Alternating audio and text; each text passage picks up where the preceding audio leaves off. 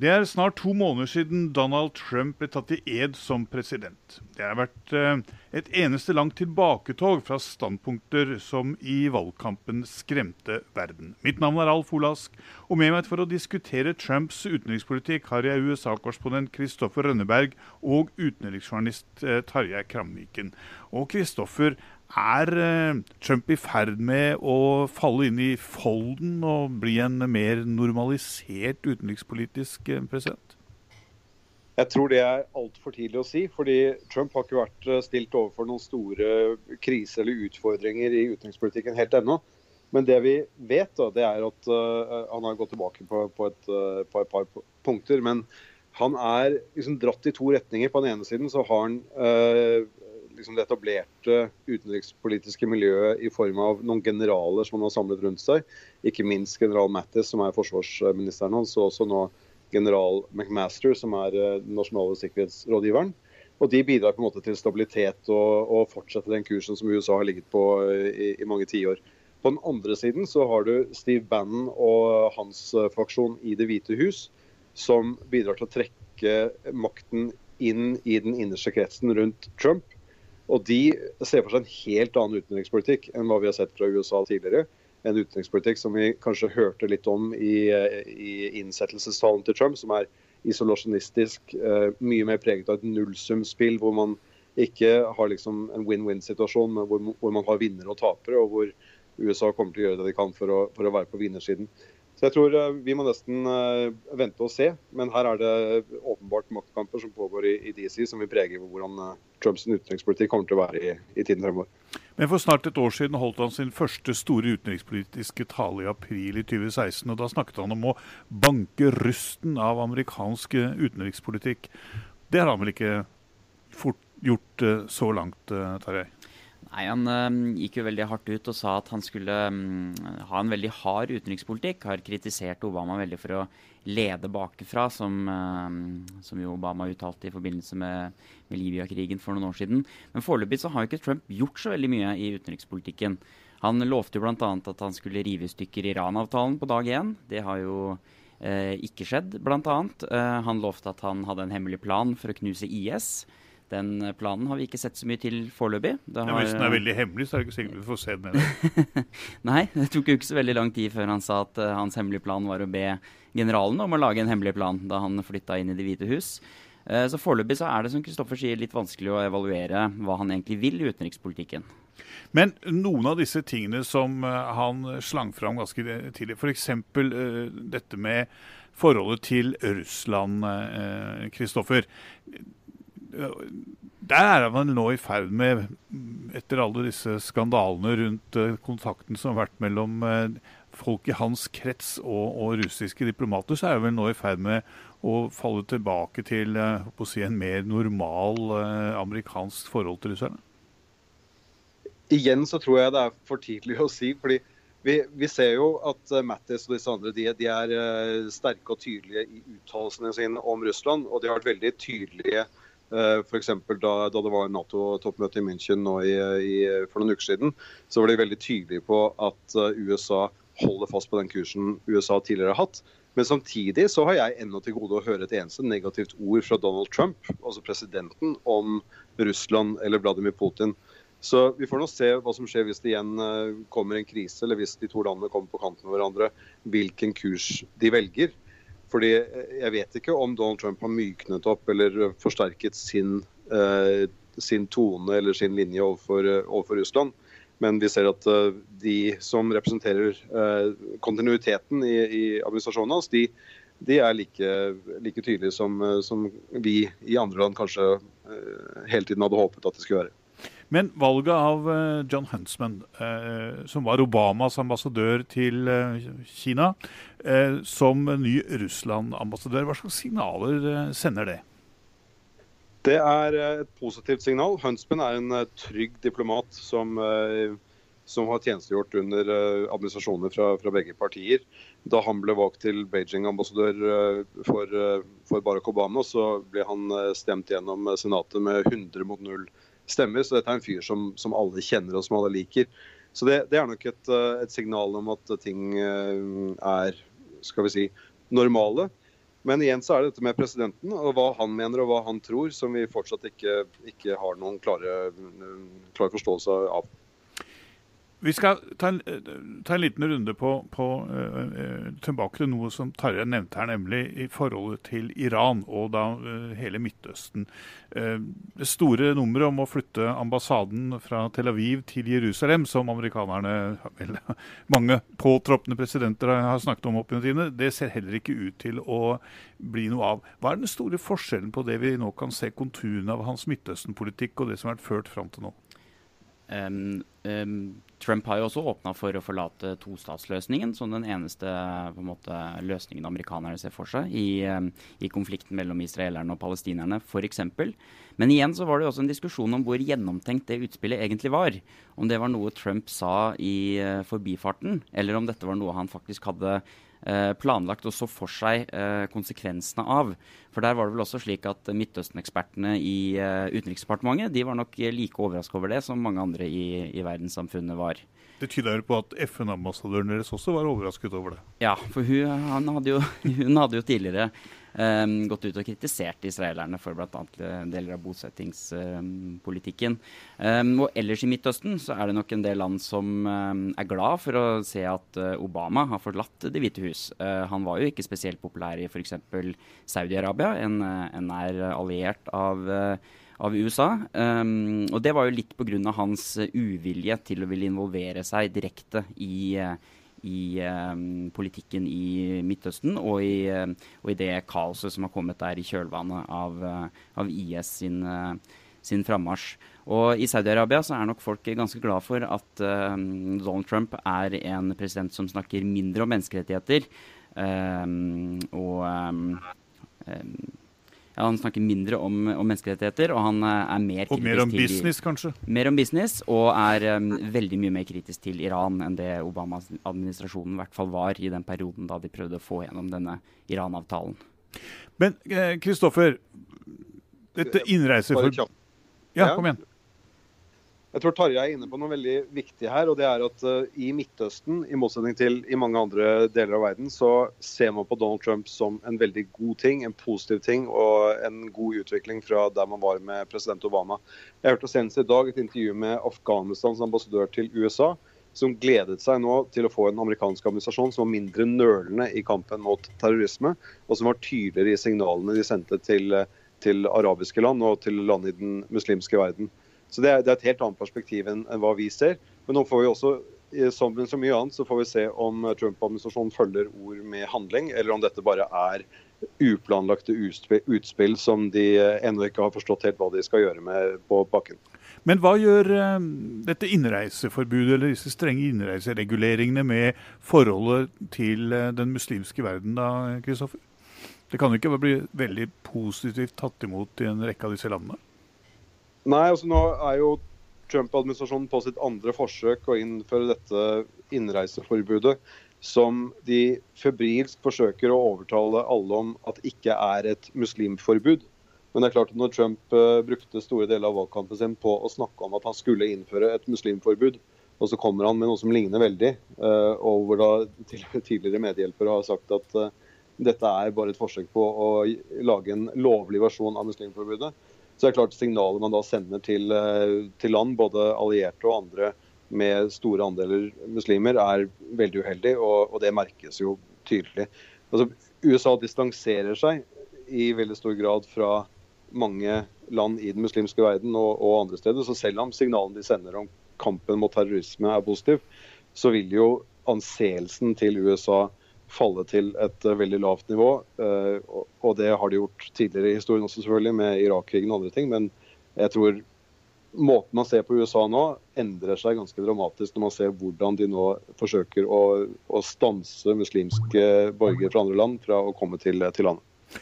For eh, bare noen dager siden så hadde du besøk i Washington av eh, eksellensen uh, Børge Brende, vår utenriksminister, som da møtte sin eh, motpart i USA, utenriksminister Tillerson. og var han på rett sted? Det er ikke godt å si. Altså, Tillerson er jo en fyr som var helt ukjent for, for, for liksom, toppdiplomatiet før. Han var sjef for ExxonMobil. Mobil Og det er klart På den måten så reiser man rundt i verden og treffer, eh, treffer mennesker, men ikke på samme måten som man gjør som, som, diplomat. Han leder nå et departement som ser ut til å ha blitt helt usynlig i Washington DC. Eh, ikke bare truer Trump med å kutte budsjettene deres med 37% men Tillerson ser ikke ut til å ha noen viktig rolle i utformingen av politikken heller. Vi hører veldig lite om ham, vi ser veldig lite til ham. Vi så ham riktignok nå på utrullingen av eh, versjon 2.0 av, av innreiseforbudet. Men ellers så er det veldig tyst fra fyren. Vi skjønner ikke helt uh, hva han vil, eller hvordan han skal få det til. Så om Brende var på riktig sted Han selv, da, da jeg snakket med ham etterpå, var veldig begeistret og mente at Tillersen var uh, var en dyktig og hyggelig fyr. Uh, han hadde fått positive signaler om mange ting, ikke minst forholdet til, til Nato og at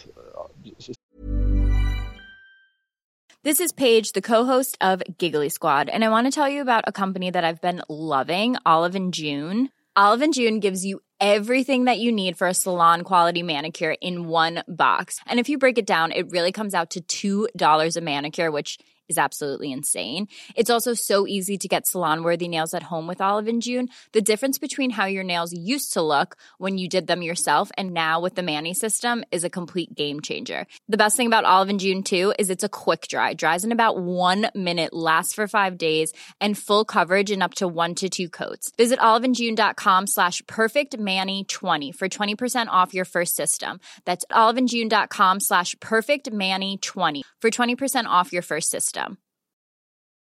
When you're ready to pop the question, the last thing you want to do is second guess the ring.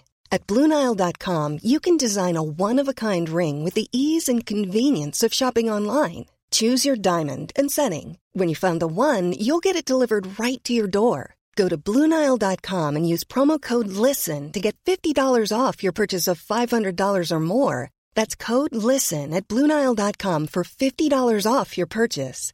Bluenile.com code LISTEN. A lot can happen in the next three years. Like a chatbot may be your new best friend. But what won't change? Needing health insurance. United Healthcare Tri Term Medical Plans are available for these changing times Underwritten by Golden Rule Insurance Company, they offer budget-friendly, flexible coverage for people who are in between jobs or missed open enrollment. The plans last nearly three years in some states, with access to a nationwide network of doctors and hospitals. So for whatever tomorrow brings, United Healthcare Tri-Term Medical Plans may be for you. Learn more at uh1.com. Introducing WonderSuite from Bluehost.com. Website creation is hard. But now with Bluehost, you can answer a few simple questions about your business and get a unique WordPress website or store right away. From there, you can customize your design, colors, and content. And Bluehost automatically helps you get found in search engines like Google and Bing. From step-by-step guidance to suggested plugins, Bluehost makes WordPress wonderful for everyone. Go to bluehost.com/wondersuite. Signalene som han forstod dem, var at Iran-avtalen ikke kom til å bli ødelagt med det første, slik Trump hadde lovet i, i valgkampen. Eh, men det kan jo være så at Tillerson sender positive signaler, men hvis han ikke har noe makt innad i Trump-administrasjonen, hvis det stemmer som ryktene sier at eh, den med størst innflytelse på utenrikspolitikken er Jared Kushner, altså Trumps svigersønn, eh, så hjelper det ikke så mye at Tillerson sender gode signaler hvis, hvis det ikke er han som trekker i trådene. Men ha, det er vel ikke helt vanlig at man har den situasjonen at uh, en utenriksminister ser ut til å starte nesten med å være lame duck. Altså, det, uh, Var det New York Times eller Washington Post som hadde en sak på han, han hadde sittet noen uker om at han faktisk bare hadde offentlig ytret 50 ord. Nå holdt han rett nok en tale like etterpå, men han, var eh, i, han kom f.eks. ikke på den store sikkerhetskonferansen i München, hvor visepresidenten var til stede, men ikke tok spørsmål. Så det virker som om de, eh, de som har noe mer ansvar for utenrikspolitikken, også trekker seg litt unna. da. Ja, Det virker eh, som dette er en del av et, et planlagt løp fra den indre krets rundt Trump. Kanskje Tillerson er plassert der for å være en en person eh, av, eh, som ikke har stor betydning for utenrikspolitikken. Det, det får vi å se på. Så han, eh, han fikk muligheten da, da, vi var der med Brende. Vi tok noen bilder i det de to møttes. Da fikk vi lov til å være der i jeg tror det var fem eller seks sekunder. Vi prøvde å slenge ut noen spørsmål, men han satt bare og stirret tomt fremfor seg og ville ikke, ville ikke svare på det i det hele tatt. Men det er jo ikke ukjent for uh, Washington DC at det er maktkamp mellom Det hvite hus og uh, Utenriksdepartementet. Dette så vi også under Obama, hvor uh, på slutten av Hillary Clintons tid som utenriksminister så var det tydelig at hennes innflytelse begynte å dale litt, og den ble hentet inn igjen under, under Kerry. Og så så vi også et fyr som Ben Rhodes under Obama-administrasjonen. En fyr som ikke hadde noen erfaring i utenrikspolitikk. At han fikk en enorm innflytelse for Eh, Barack Obama i løpet av hans siste år. Det var bl.a. han som eh, sørget for at eh, forholdet til Cuba ble, ble, normalisert igjen. Så Dette er ikke uvanlig, men jeg tror det er uvanlig at det skjer så tidlig at det er så tydelig at Utenriksdepartementet ikke ser ut til å, en, ikke, ikke ser ut til å være spesielt viktig for administrasjonen. Og Nå vet vi jo ikke helt hva som er på en måte planlagt og ikke planlagt av hvordan disse, denne maktdynamikken skal gå fra, fra Trumps side. Men vi har jo, det har vært eksempler på veldig veldig sterke Hvite hus tidligere som har fullstendig overkjørt Utenriksdepartementet. Uh, det beste eksempelet er nok på 70-tallet, da Henry Kissinger var sikkerhetsrådgiver i Det hvite hus. Den gangen så, visste, så var jo Utenriksdepartementet helt på utsiden. Uh, og utenriksminister Rogers han visste jo ikke engang om de viktigste politiske initiativene som uh, Som, som f.eks. tilnærmingen til Kina? For eksempel, Han visste ikke at, at amerikanerne skulle begynne å snakke med Kina før Kissinger satt på flyet på vei til Kina for å møte, for å møte lederne der. Og under Nixon så var jo dette et uttrykk for to ting. Det var en eliteforakt som Nixon hadde. Han likte ikke de um, elitistene som han så på dem som, som satt i steder som, som i CIA og i Utenriksdepartementet. Og så var det det at Nixon hadde en helt klar plan om han, hva han ville oppnå i eh, storpolitikken. Han visste at han ville bruke Kina til å, å presse Sovjet, Kina og Sovjetunionen til å til å presse eh, vietnameserne til å inngå fred i Vietnam. Og Det var hans store plan. Og Her er det jo en parallell til Trump-administrasjonen. Det er jo lett å si, se at det i hvert fall finnes en stor grad av eliteforakt der, og en forakt for den, de som har styrt utenrikspolitikken i Washington. Men det er kanskje litt vanskeligere å se hva den store planen eventuelt skulle vært. Det er vel ting som tyder på at de kanskje ikke helt har en veldig stor plan så langt, i hvert fall, og som vi vet om. Men litt grann tilbake til Tillersen igjen, Kristoffer. Eh, altså, dette er en mann som eh, har ledet et av verdens største selskaper. Det er vel faktisk verdens største børsnoterte oljeselskap, iallfall. Eh, aktivitet i en masse land. Eh, han har rett nok vært mye i Norge eh, også, fordi Exxon har virksomhet her. Men dette er jo ikke en per person som har vært vant med å spille annenfiolin. Uh, og Det er jo lite trolig at en slik person kommer til å holde ut lenge i jobben hvis han uh, nærmest uh, blir, havner i bakevja, for å si det sånn.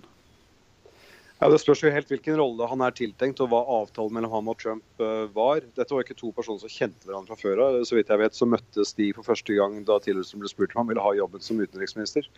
Men det er nok riktig at dette er et spørsmål om tid, hvor lenge han kan holde ut. fordi han sitter jo nesten helt alene i, i dette utenriksdepartementet også.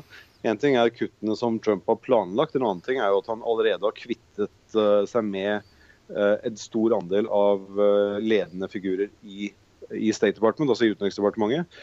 Det er masse, jeg vet ikke hvor mange titall det er, men det er store deler av de øvre lagene i departementet, altså folk som har jobbet der i 20-30-40 år, som har blitt bedt om å forlate arbeidsplassen sin etter at Trump ble president. Og I tillegg så har jo Tillerson han ba om å få en, eh, en, nummer to i departementet ganske tidlig. Noe Trump sa nei til, fordi dette var en fyr som hadde vært kritisk mot ham i valgkampen. Så akkurat nå så er det jo uh, tydelig at Tillerson blir bedt om å sitte alene. Trump utnevner ikke nye folk til disse posisjonene som, uh, som ble fjernet. Så hvor lenge dette kan eh, fungere uten at eh, altså, jeg, jeg, snakker med folk i Utenriksdepartementet i USA, og stemningen er jo elendig. Folk sitter og er eh, ganske eh, forsmådde fordi de, de, har ikke noe særlig å gjøre. Det kommer ikke noen nye instrukser. Det er veldig lav, lavt aktivitetsnivå. Så det store spørsmålet er nå trenger Trump Utenriksdepartementet, eller er dette begynnelsen på en sakte eh, prosess hvor han skal bare gjøre departementet helt ubrukelig, helt uvesentlig. Men dette at han har lent seg tungt på militæret, eh, er det et signal om eh, for det, Tradisjonelt har det alltid også vært, et, eh, vært en stridighet mellom Utenriksdepartementet og Pentagon. Betyr det at Pentagons makt øker, altså Forsvarsdepartementet?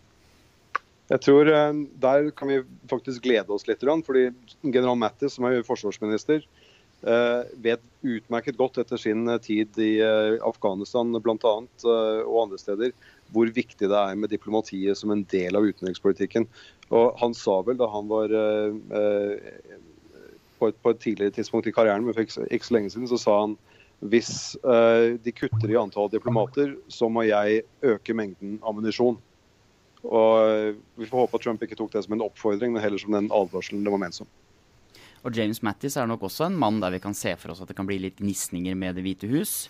Eh, han eh, er nok heller ikke veldig fornøyd med å mm, Hvis han blir satt på sidelinjen etter hvert. Og han mm, kalles jo ofte en eh, Han var jo en pensjonert general fra marinekorpset.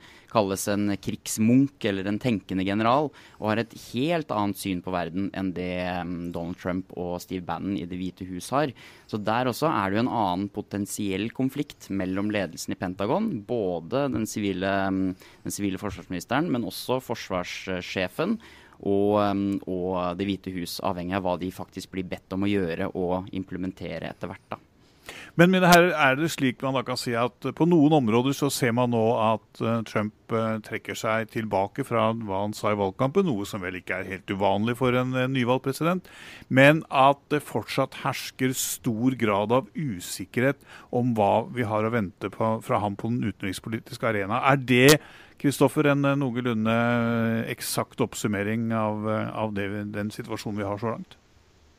Jeg tror rett og slett vi må vente på den første store krisen eller første store utfordringen til denne unge og ferske administrasjonen. Signalene vi har fått hittil er altså med, Når Trump sier 'America first', så innebærer det en total omlegging av utenrikspolitikken hvor man skal være mer isolasjonistiske, hvor man skal la verden seile sin egen sjø og la USAs interesser ta, ha forrang for alt mulig annet. Men så er det ofte sånn at uh, det er hendelsene som, som former presidentskapet, og det, det, er vel ikke helt utenkelig at det også blir, uh, blir tilfellet her. Hvis vi skal oppsummere amerikansk politikk etter uh, slutten på den kalde krigen litt, så har jo amerikanernes overordna mål hele tida vært å være på en måte ledestjernen i en liberal verdensorden. Og da har de jo prøvd å gjøre det på en måte både militært, eh, gjennom eh, sikkerhetssamarbeid som Nato, eller bilaterale samarbeidsavtaler med f.eks. Japan. Uh, men også økonomisk og handelspolitisk gjennom um, organisasjoner som WTO eller handelsavtaler. Og um, på begge disse områdene så har vi jo vel sett at Trump har brutt litt med det tradisjonelle. Når det gjelder det militære, på det militære punktet, mest retorisk. Han har uttalt seg mer kritisk til Nato enn tidligere amerikanske presidenter.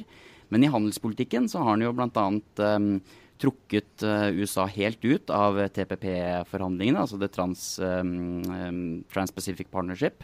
Og hele poenget med TPP var jo å knytte de asiatiske landene tettere opp mot seg, for å delvis demme opp for Kinas økende innflytelse i Asia. Men det er jo nå lagt helt på is. Og det er et ganske klart brudd, med, i hvert fall med Obama-administrasjonen.